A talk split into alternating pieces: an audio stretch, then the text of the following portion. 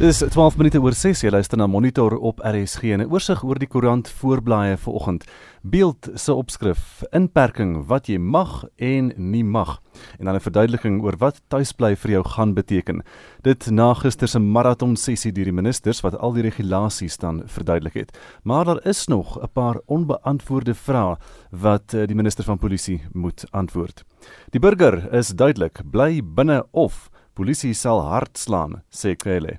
En dan ook 'n mooi storie oor die redding van 'n beseerde malgas wat met 'n branderplank gered is. Volksblad het daardie punt waaroor almal praat, stap met jou hond by die huis en die verbod op drank gaan streng afgedwing word.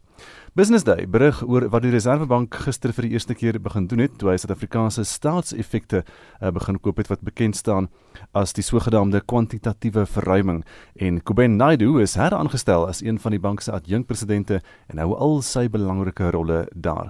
En dis vinnige oorsig van vanoggend se koerant voorblaaie. 14 minute na 6 en die minister van polisie Bekkie Cele sê die gebruik van alkohol in openbare plekke asook die verkoop van alkohol is vir die afsonderingstydperk verbode. Hulle het gister tydens 'n media-konferensie gepraat oor die regering se maatreëls wat ingestel gaan word om die verspreiding van die COVID-19 virus te stuit. On consumption premises where liquor is sold. This time we are not buying liquor between 9 and 6. Off consumption premises including bottle stores where liquor is sold. When you go to these supermarkets There are portions that sell liquor, they shall not. If you find the liquor in your boot, that's crime. For 21 days, please stay sober. Kyle het bevestig dat dit nie toegelaat sal word om te gaan draf of om met honde te gaan stap tydens die afsonderingstydperk nie. Hy sê indien jy die wet oortree, sal 'n boete of 6 maande tronkstraf opgelê word. Restaurants shall not operate There is no need to move around. There shall be no dogs that will be walked. If you break these laws, we are six months in or fined or both. The law will act and act very harsh on you. Intussen sê die minister van vervoer, Vakile Mbalula, dat minibus taksies en ander taksiedienste soos Uber en Bolt slegs van 5uur tot 9uur soggens en van 4uur tot 8uur saans op paaie toegelaat sal word en slegs as hulle noodsaaklike werkers vervoer. A vehicle licensed to carry up to 4 people will only be permitted to load one person. A vehicle licensed to carry up to 8 passengers will only be permitted to load a maximum of three passengers. Limited bus operations will only be allowed for purposes of rendering essential services. All cross-border road passenger movements will be prohibited. Dit was Vakile die minister van vervoer, Jean Estreisen, SAICanis. Die Suid-Afrikaanse Menseregte Kommissie sê hy gaan die afsonderingstydperk in die land monitor vir enige moontlike skending van menseregte deur die weermag en die polisie. Die vrees vir hardhandige optrede het ontstaan na beeldmateriaal op sosiale media verskyn het wat lyk soos lede van die weermag wat dreig om geweld te gebruik om die inperking op burgerlikes af te dwing. Celine Merrington het meer. Daar is verskeie videogrepe op die internet waarin lede van die weermag uitgebeeld word as mense wat eers klappe uitdeel en dan vra vra. Vir sommige mense is dit rede tot kommer. Well, I'm not scared about that. They know their job. They know their code of conduct. They are there to protect us. And if they done this, it is against the law. Then they will see to them as well. We will speak up if that happens. That's easy if you don't want to be to find yourself in trouble. Just stay indoors. Don't go outside. Do as the president says until the 21 days finish. And also, I'm happy for that there will be the visibility and availability of security. No, they won't do that. They're people of the law. They're not allowed to do that. Yes, it could be a concern, definitely. And obviously, you must abide the law you, as a citizen of, of the land. Volgens die minister van verdediging Nosiviwe Mapisa Ntlakula is hierdie video's fopnuus. We've received a number of videos on our on chat groups and uh, social media generally. Some people are very positive about the deployment of the South African National Defence Force and its capacity.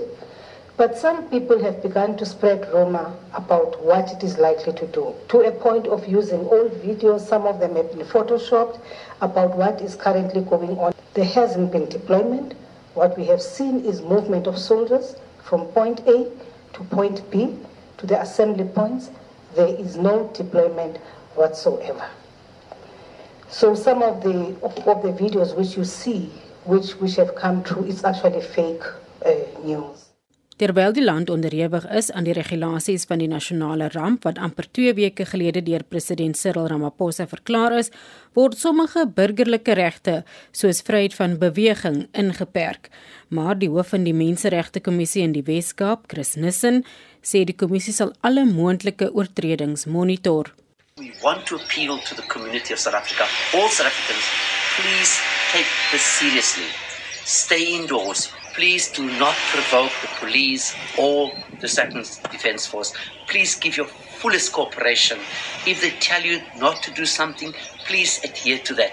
But if there's any violation, the Human Rights Commission will be monitoring this situation until the lockdown is over. Die waarnemende woordvoerder van die onafhanklike polisie ondersoekdirektoraat, Santago Seso, sê die direktoraat sal alle moontlike oortredings deur die polisie ondersoek. All people of South Africa are rest assured that our services will not cease during this period. We have put a limited number of investigators on standby basis that will be rendering the services that fall within the IPIT mandate in all the nine provinces. Dit was die waarnemende woordvoerder van die onafhanklike polisie ondersoekdirektoraat Sontaga Seeso, Zelene Merrington, Parlement. Dis 20 minute oor 6 jy luister na Monitor op RSG en die sakeverslag word aangebied deur Marco Ras van PSG Wealth, Silver Lakes, George Central en Mossel Bay Dias. Goeiemôre Marco. Goeiemôre Gustav. So die vakansie effekte het gister vanaf 'n laagtepunt af teruggespring nadat die Reserwebank likwiditeitsmaatreëls aangekondig het het om die gevolge van die koronavirus op plaaslike markte te vergemaklik, insluitende 'n plan om staatseffekte te koop. Die opbrengs op die 2030 staatseffek het met 83 basispunte gedaal tot 11,59%, nadat dit die dag voor het gestyg het tot 12,38%. Die laagste punt in koerse vir 2020 was 8,68% wat in Februarie bereik is. Die oplewing in koerse die afgelope 2 weke word gesien as 'n aanduiding van ontwrigting in die mark, aangesien verkopers gesukkel het om kopers te vind. Die bank het gesê dat die aankope van staatseffekte die funksionering van die plaaslike finansiële markte sal bevorder. Die plaaslike aandelemark het ook goed gereageer op die nuus. Die FTSE algehele indeks het met 5,1% tot 43278 punte gestyg en die top 40 het met 5,2% gestyg. Hulpbronne het met 8% geklim en goudmyners met 14,5%. Van ons beste presteerders was Anglo American Platinum en Redefine wat albei om en by 23% versterk het.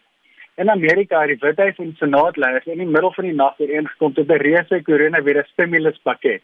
Die wetgewing as dit deur Kongres aanvaar word, sal die grootste noodhulppakket in Amerikaanse geskiedenis wees en die belangrikste wetgewende stappe om die koronaviruskrisis wat hospitale oorweldig en 'n groot deel van die ekonomie tot stilstand bring aan te spreek. Daar is 250 miljard dollar op sy gesit vir regstreekse betalings aan individue en gesinne, 350 miljard vir lenings aan klein saakondernemings en 250 miljard dollar aan werkloosheidsversekeringsvoordele en 500 miljard dollar vir lenings aan maatskappye wat in moeilikheid is. Die Amerikaanse mark het die dag aanvanklik goed begin en tot 5% opgehardloop, maar het aan die einde van die dag stoom verloor. Die Dow Jones het slegs 495 punte hoër geëindig tot 21200 en die S&P was 1.1% hoër en het die dag gesluit in 2475. Boeing se aandeel het 24% verstewig en Nike het die Dow Jones gegee met 'n 9% versterking. En nou die aanwysers en wisselkoerse. Goud verander tans in 1605 dollar en platinum teen 729 dollar per fyn ons. Brent olie is tans 27 dollar en 30 sent per vat. Die rand verhandel op 'n vlak van 17.35 teen die Amerikaanse dollar, R20.60 teen die Britse pond en R18.95 teen die euro. Baie dankie, dis van al van my kant af. Lekker dag vir julle. En dit was die sakeverslag aangebied deur Marco Ras van PSG Wealth Silver Lakes, George Central en Mossel Bay Dias. PSG Wealth, Silverlex, George Central en Mosselbaai Dias het jare se ondervinding in die suksesvolle beplanning en bestuur van kliënte se welfaart. Rakende vir persoonlike aftree, beleggings of aandeleoplossings. Kontak gerus ons vennote, Marius Kreer of Ben Vermeulen in die Suid of Weskaap en Anton Prinsloo, Johan Strydom of Jan van Wyk in Gauteng op 0861 348 190. PSG Wealth Finansiële Beplanning is 'n goedgekeurde finansiële dienste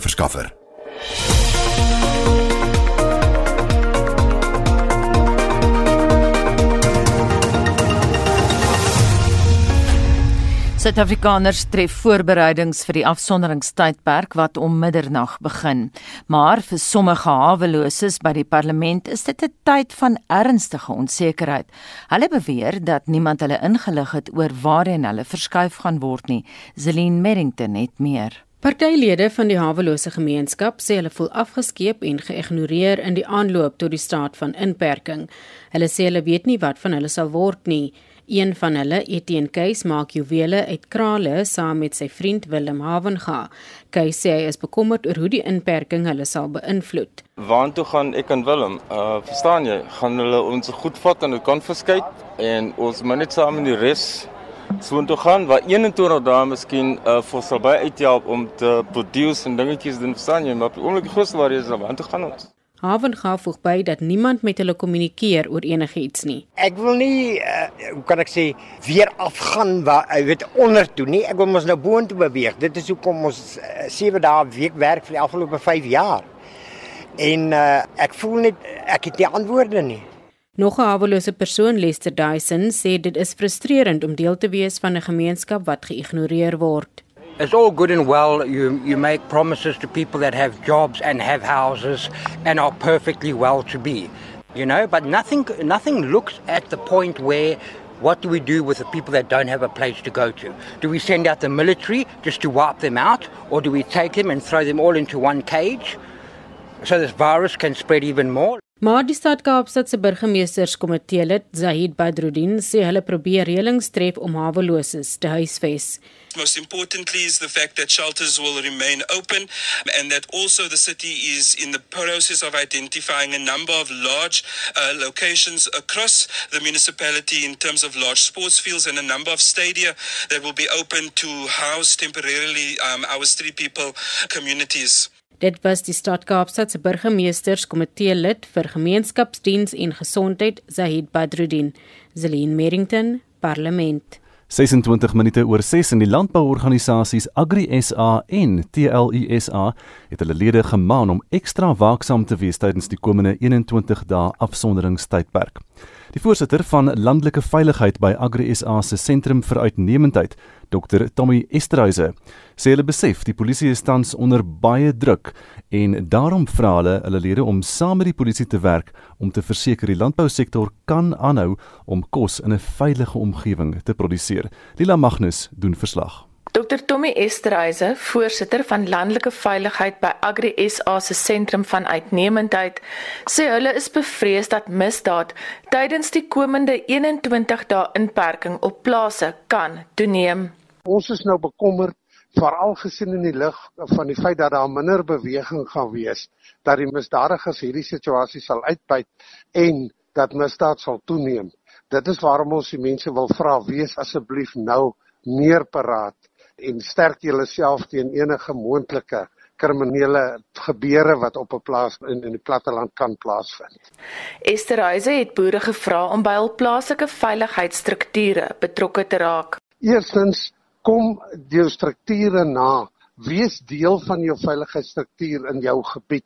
Ons ervaar dit meer en meer dat mense wat teikens is en en slagoffers is van aanvalle is mense wat nie by hulle landelike beveiligingsplan teenwoordig is en betrokke is nie. En dit is waarom ons die mense aanmoedig, raak betrokke, hou jouself ingelig en veral nou wanneer daar minder beweging gaan wees, maak seker dat jou veiligheid op standaard is en op sterkte is. President Cyril Ramaphosa het die landbousektor as 'n noodsaaklike sektor identifiseer en daarom sal landbouaktiwiteite tydens die inperkingperiode voortgaan. Dit gaan definitief 'n impak hê op die landbou in die opsig dat beweging beperk gaan word maar soos jy bewus is, is landbou een van die essensiële dienste wat gelewer word. So ons gaan voortgaan om kos te produseer en seker te maak dat ons verbruiker kos op die tafel het. Die impak wat dit gaan hê is ons sal meer aandag moet gee nou aan die landelike beveiligingsstrategie en ook dit toepas om die COVID-19 uh, virus te beheer. Die 21 dae inperking begin middernag donderdag aand. Ek is Lila Magnus vir SAIK nuus in Pretoria. Distriksmunisipaliteite in die Wes-Kaap sal voortgaan om noodsaaklike dienste te lewer tydens die afsonderingstydperk van 21 dae. Die provinsiale regering sê dis belangrik dat inwoners in hulle afsonderlike gemeenskappe kalm bly en saam staan. Essie de Klerk het meer. Die Wes-Kaap bestaan uit 6 streke wat uit 25 munisipaliteite saamgestel is. Teen Maandag was daar bevestigde COVID-19 gevalle in 4 van die 6 streke, naamlik in die Kaapse Metro, die Kaapse Wynlande, die Tuinroete en die Oeverberg. Die woordvoerder vir die Wes-Kaapse minister van plaaslike regering, omgewingsake en ontwikkelingsbeplanning, James Brent Stein, sê distriksmunisipaliteite sal onverpoost met hul werksaamhede voortgaan die distriksmunisipaliteite in die provinsie sal deurlopend steeds alle noodsaaklike dienste uitvoer. Dit sluit in eh, brandweerdienste, padhersien en onderhoudsdienste, omgewingsgesondheidsdienste en dies meer. Die verskeie distrikte se rampbestuursentrums is ook reeds geaktiveer en sal permanent geaktiveer bly. Brent Stein sê al die munisipaliteite se statutêre verpligtinge word so gou moontlik in oorleg met nasionale regulasies en versoeke uitgevoer, onder meer die tertafellegging van begrotings wat teen die einde van Maart afgehandel moes wees wat effens vervroeg is. Die poging is om dit af te handel voor die inperking in werking tree, maar daar sal geen verdere vergaderings bygelê word tydens die inperking van munisipaliteite in beweging nie. Ons vra mense wat in noodverkeer of wat vra het om te kyk na die Wes-Kaapse regering se webtuiste. Daar is 'n bladsy vir die koronavirus waar mense baie van hulle vrae beantwoord sal kry en daar's ook verskeie noodnommers wat mense kan skakel in geval van enige navraag. Die Wes-Kaapse Departement van Plaaslike Regering het toegesien dat alle noodsaaklike COVID-19 kennisgewings in brail vertaal is en hierdie dokumente word na gesiggestremde gemeenskappe in die provinsie versprei. Die departement verseker ook dat sy rampbestuurspanne in elke streek op permanente grondslag gereed staan. Ek is Estie de Klerk vir SAK nuus. Dis 25 minute voor 7 en Shaun Jooste het die jongste sportnuus. In rugbynuus, die Blue Bulls rugby het aangekondig dat die voormalige Springbok afrigter Jake White hulle nuwe direkteur van rugby tot die 2023 Wêreldbeker in Frankryk sal wees. White het sy loopbaan as afrigter in die vroeë 80's begin en bring jare se ondervinding saam na Pretoria toe. Hy was ook voorheen die breier van die Super Rugby spanne die Sharks en Brumbies, het 'n draai in Frankryk by Montpellier gemaak en was onlangs die afrigter van Toyota vir Blitz in Japan. White was ook die bokafrigter toe Suid-Afrika die Wêreldbeker in 2007 in Frankryk gelig het. Tennis. Die voormalige wêreldnommer 1 man speler, Roger Federer en sy vrou Mirka het 1 miljoen Switserse frank aan kwesbare gesinne in hul tuisland geskenk. Dit is gelykstaande aan 17.7 miljoen rand. Die Federers sê hulle hoop meer skenkings kan gemaak word om gesinne in nood by te staan. Die professionele tennisseisoen is tot 7 Junie uitgestel en 'n besluit oor of Wimbledon sal voortgaan of gekanselleer word, sal hopelik volgende week gemaak word.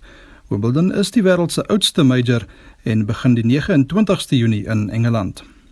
Die gemengde vegkunster Conor McGregor het ook 1 miljoen euro vir die koop van beskermingstoerusting vir gesondheidswerkers in Leinster in Ierland geskenk. En laastens, Cricket Suid-Afrika het al kompetisiestrukture vir die 2020-21 seisoen bekend gemaak. Die ses franchises, die Cape Cobras, Dolphins, Knights, Lions, Titans en Warriors, sal om die professionele titels meeding terwyl die 15 affiliasies aan die provinsiale kompetisie sal deelneem. Die vierdag en eendagreekse word in twee groepe van 3 spanne elk verdeel. Spanne in dieselfde groep speel tuis- en wegwedstryde teen mekaar en een wedstryd teen die spanne in die ander groep. Hulle speel dus 7 wedstryde en die groepwenners pak mekaar dan in die eindstryd. Spanne in die provinsiale kompetisies word ook in twee groepe verdeel en 'n nuwe uitkloptoernooi van 40 bilbeerte per span is aangekondig. Dit bestaan uit die 15 affiliasies en die Suid-Afrikaanse onder 19 span. Shaun Schuster, SAK Sport. Die Sonke Gender Instituut waarsku dat die maatreëls om die verspreiding van COVID-19 in tronke te vroed nie voldoende is nie. Verskeie gevangenes is bekommerd dat bewaarders die virus aan hulle kan oordra. Marlenae Forsie berig daar is kritiek teen waarskuwings dat diegene wat die inperking regulasies oortree, tronk toe gestuur kan word. Volgens die organisasie se nasionale koördineerder vir tronke, Zia Wasserman, wag hulle om te hoor of strenger maatreëls aangekondig gaan word saam met die verbod op besoeke aan gevangenes. Because our prisons are so overcrowded, you can have 60 people in one communal cell sharing one toilet and one sink. The precautions that are required to prevent COVID-19 are almost impossible to adhere to in prisons. So we're really concerned that when the first case comes up, that will spread rapidly, like we've seen with HIV and TB in our prisons. Die instituut stel voor dat die aantal gevangenes in tronke landwyd verminder word, especially those who are waiting trial. Other than that, we support calling for the early release of the elderly who are sitting in prison, also people who are sick, and also non-violent offenders. Sy sê metodes om die virus te identifiseer moet opgeskerp word. Testing and screening of the people detained there, including the staff who are working there, which is also a very big concern because they're going in and out. So they also need to take a lot of precautions. And just also just educating and informing the people who are in the prisons. Die instituut is verder bekommerd oor die sielkundige impak van die verbod op besoeke van buite op die rehabilitering van gevangenes. Evidence tells us that prison visits from family and friends have a massive positive impact on inmates' mental health and well-being. All we can recommend right now is just to keep phoning and sending posts to your family and friends who are in prison and we would highly recommend government and the Department of Correctional Services to be able to increase inmates' access to those means of communication with the outside world. Sy waarsku dat die aanhouding van diegene wat afsonderingsregulasies verontagsaam meer skade kan doen as goed. That doesn't do anything to help the spread of COVID-19 in our prisons and we suggest that non-punitive measures should be put in place to be dealing with those kind of offences. Dit was die Sonke Gender Instituut se nasionale koördineerder vir tronke, Zia Wasserman. Ek's Marlene Forsie vir SAK nuus.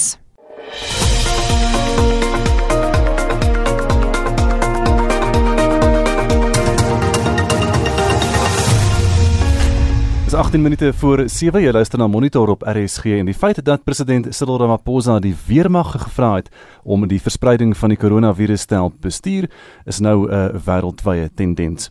Toe die Chinese president Xi Jinping Wuhan in die Hubei provinsie onlangs besoek het, was sy eerste afspraak 'n pasvoltooide hospitaal wat deur die weermag bestuur word.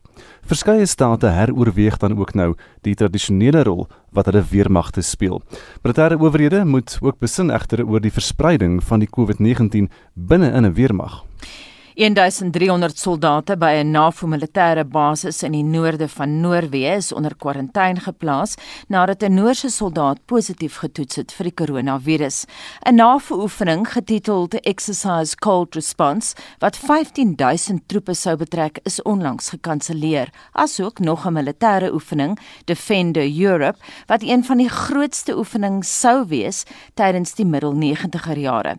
Vir meer oor die implikasies van COVID-19 COVID-19 op lande se weermagte, praat ons nou met professor Abel Esterhuise van die Universiteit Stellenbosch se fakulteit Kragskunde op Saldanha. Goeiemôre Abel. Goeiemôre Anita. Weermagsoldate moet oefen en hulle het noodgedwonge noue kontak met mekaar. Hoe pas militêre owerhede nou aangegee by die koronagevaar Abel?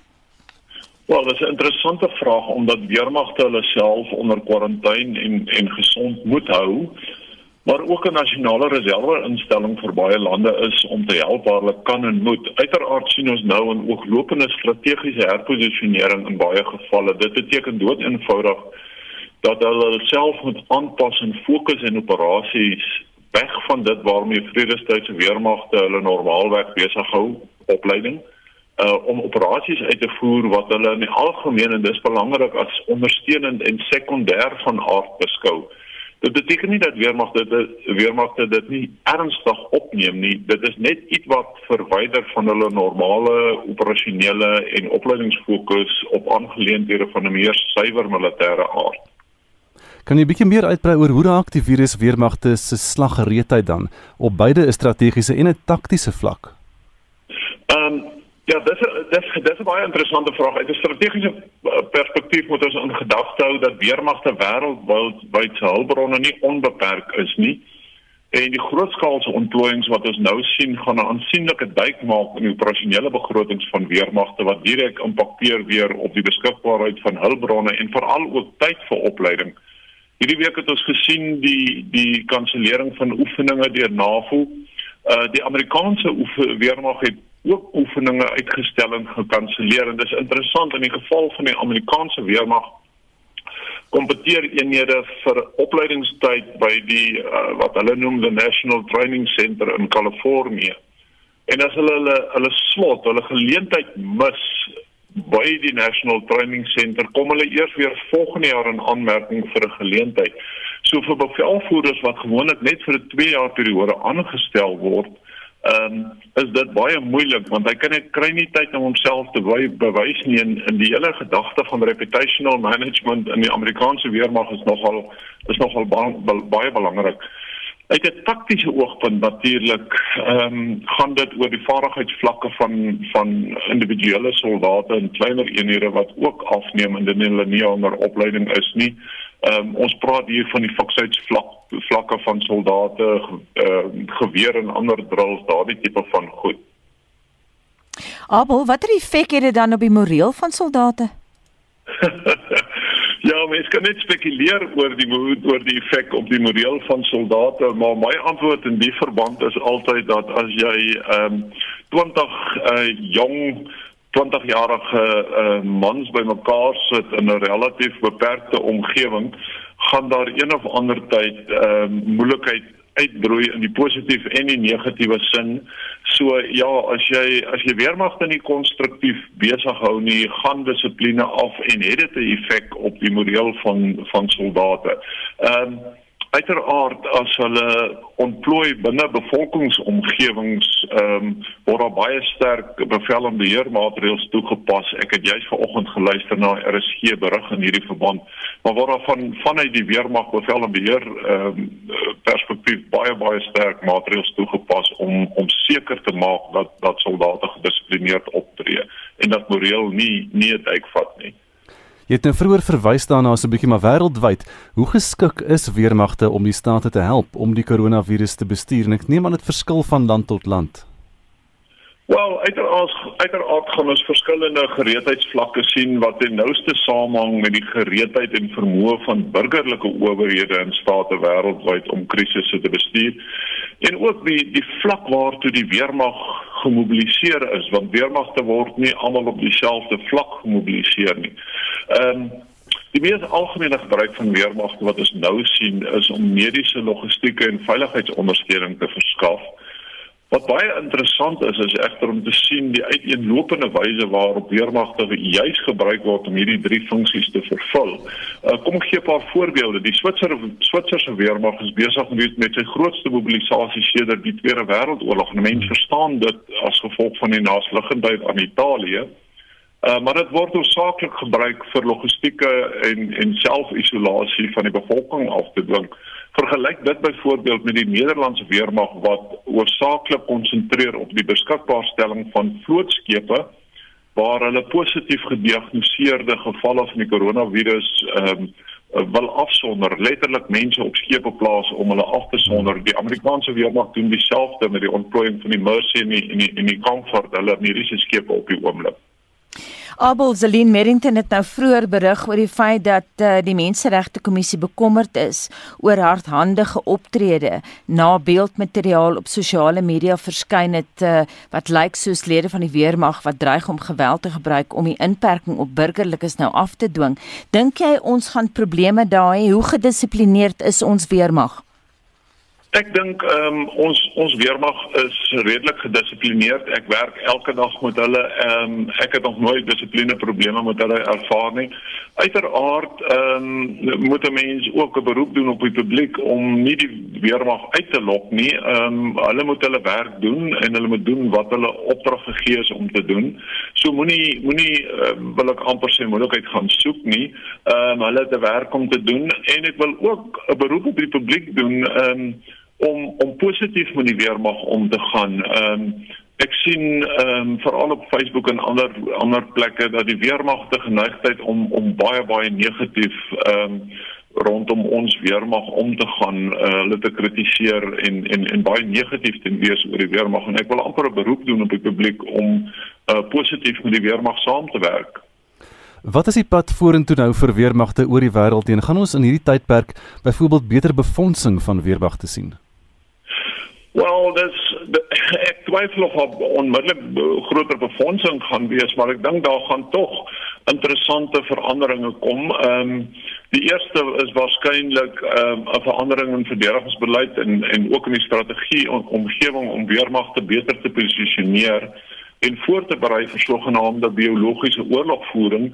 Ehm um, en dit gaan waarskynlik ook uitspeel in die doktrine omgewing ehm um, ten einde weermagte vir die toekoms miskien voor te berei om om beter saam te werk met soveel soveel owerhede uh, daai sogenaamde civil military interface om dit te beolie en te beglad.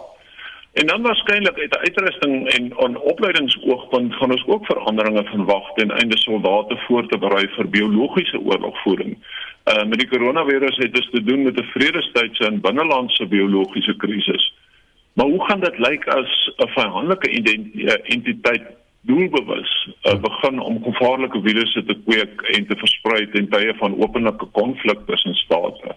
Ja. Abel baie dankie professor Abel Esterhuise van die Universiteit Stellenbosch se fakulteit krygskunde op Saldanha. 651 welkom by Monitor. Ons bly by weermagte. Reeds 10 jaar gelede het die Amerikaanse weermag se navorsingseenheid 'n 100 miljoen dollar projek geloods met die naam Blue Angel. Die doel daarvan was om vinnig en op groot skaal 'n enstof te ontwikkel in die geval van 'n pandemie. Vir meer besonderhede oor hoe die projek intussen ontwikkel het, praat ons nou met Pieter Geldenhuys van die London Business School. Goeiemôre Pieter. Goeiemôre. Pieter, wat behels die projek presies?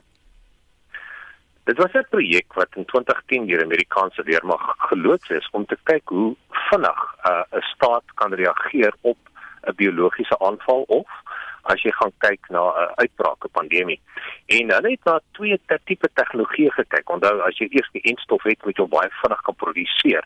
En daar was twee lyne waarna hulle gekyk het waar hulle kon kon belê. Die ene was baie interessant, tabakplante, waar jy dan die enstof binne in die blare van die tabakplant kon opneem en dan kon jy 50 dosisse binne 'n kwessie van 4 weke kry per tabakplant. Dit beteken dat jy baie baie vinnig omtrent amper in een aanleg omtrent 10 miljoen dosisse kan kry binne 'n maand. Dit was die die strategie.